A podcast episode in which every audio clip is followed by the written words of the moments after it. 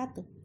Halo semuanya, kenalin aku Rahmawati. Aku merupakan salah satu mahasiswa dari jurusan PGSD di Universitas Pendidikan Indonesia. Di podcast pertama aku, aku ingin membahas sesuatu yang sangat erat kaitannya dengan kita di masa pandemi. Wow! Yaitu kesehatan mental. Oke. Okay? Kesejahteraan atau well-being, kondisi mental kita merupakan salah satu aspek yang paling terdampak di masa pandemi ini. Setuju atau setuju nih? Maka dari itu, kita perlu banget menjaga kesehatan mental kita, dimulai dari peduli dengan diri kita sendiri. Salah satu hal yang bisa dilakukan adalah dengan menerapkan mental self-care. Oke, Self care secara mental di masa pandemi terdapat 5 poin yang akan aku bawakan. Langsung aja ke yang pertama. Tetap terhubung secara sosial.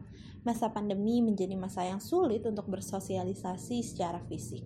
Namun, kamu tetap bisa memanfaatkan platform online agar tetap terhubung dengan orang-orang tersayang. Kita tahu sendiri ya bahwa banyak banget platform online yang bisa kita gunakan untuk berkomunikasi dengan siapa pun, di mana pun, dan kapan pun.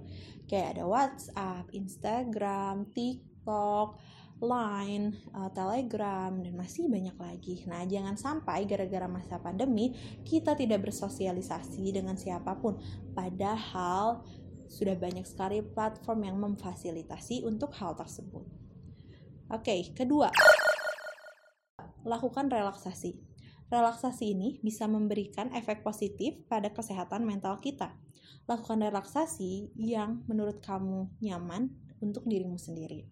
Contohnya dengan melukis, bernyanyi, mendengarkan musik, memasak, apa pun yang kamu sukai untuk memberikan efek positif kepada dirimu.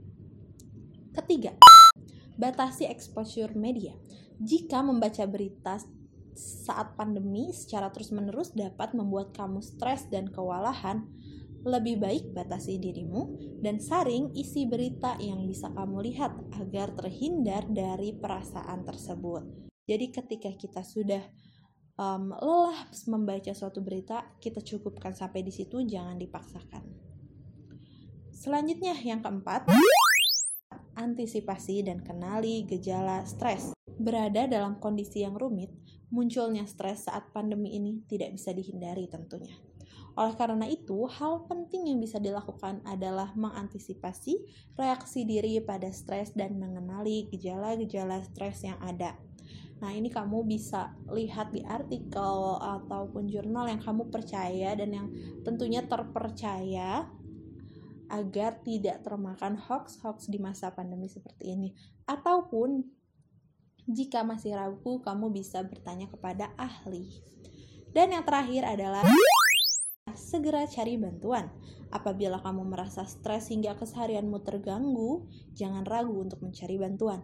Bantuan bisa datang dari orang terdekat maupun bantuan profesional seperti psikolog dan psikiater di masa seperti ini memang kita harus banyak bersosialisasi um, agar kita tidak merasa terlalu stres dan bisa bercerita kepada um, lingkungan sekitar kita.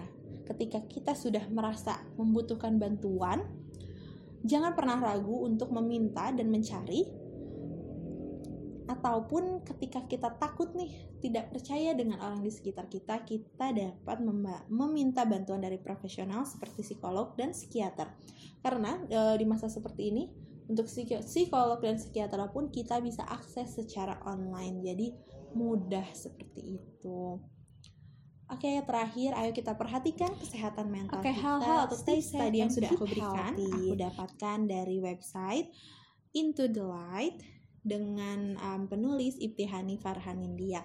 Kamu bisa cari seputar uh, kesehatan mental di website tersebut ataupun di website yang lainnya. Terakhir dari aku, yuk kita jaga kesehatan mental kita di masa pandemi seperti ini. Stay safe semuanya. Terima kasih telah mendengarkan. Wassalamualaikum warahmatullahi wabarakatuh.